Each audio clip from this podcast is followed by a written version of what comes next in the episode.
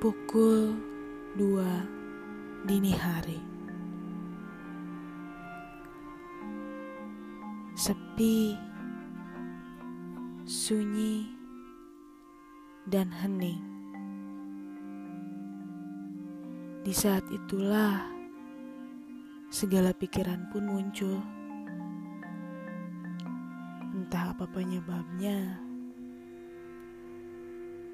Tapi seperti sudah disetting kalau sendiri itu waktunya untuk berpikir dan introspeksi.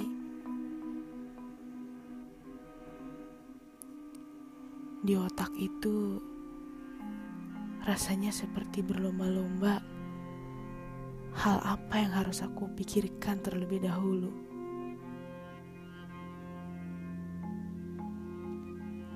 Berdialog sendiri di depan kaca Bayanganku seolah bertanya, "Apa yang sudah kamu rubah dalam hidupmu?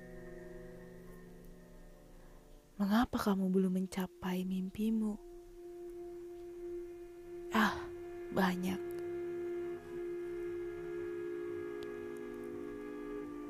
Aku tahu ini tidak baik untuk kesehatan otak dan hatiku. Karena terlalu cemas atas masa depan sendiri. Tapi jangan lupa untuk mencoba sebelum mengeluh.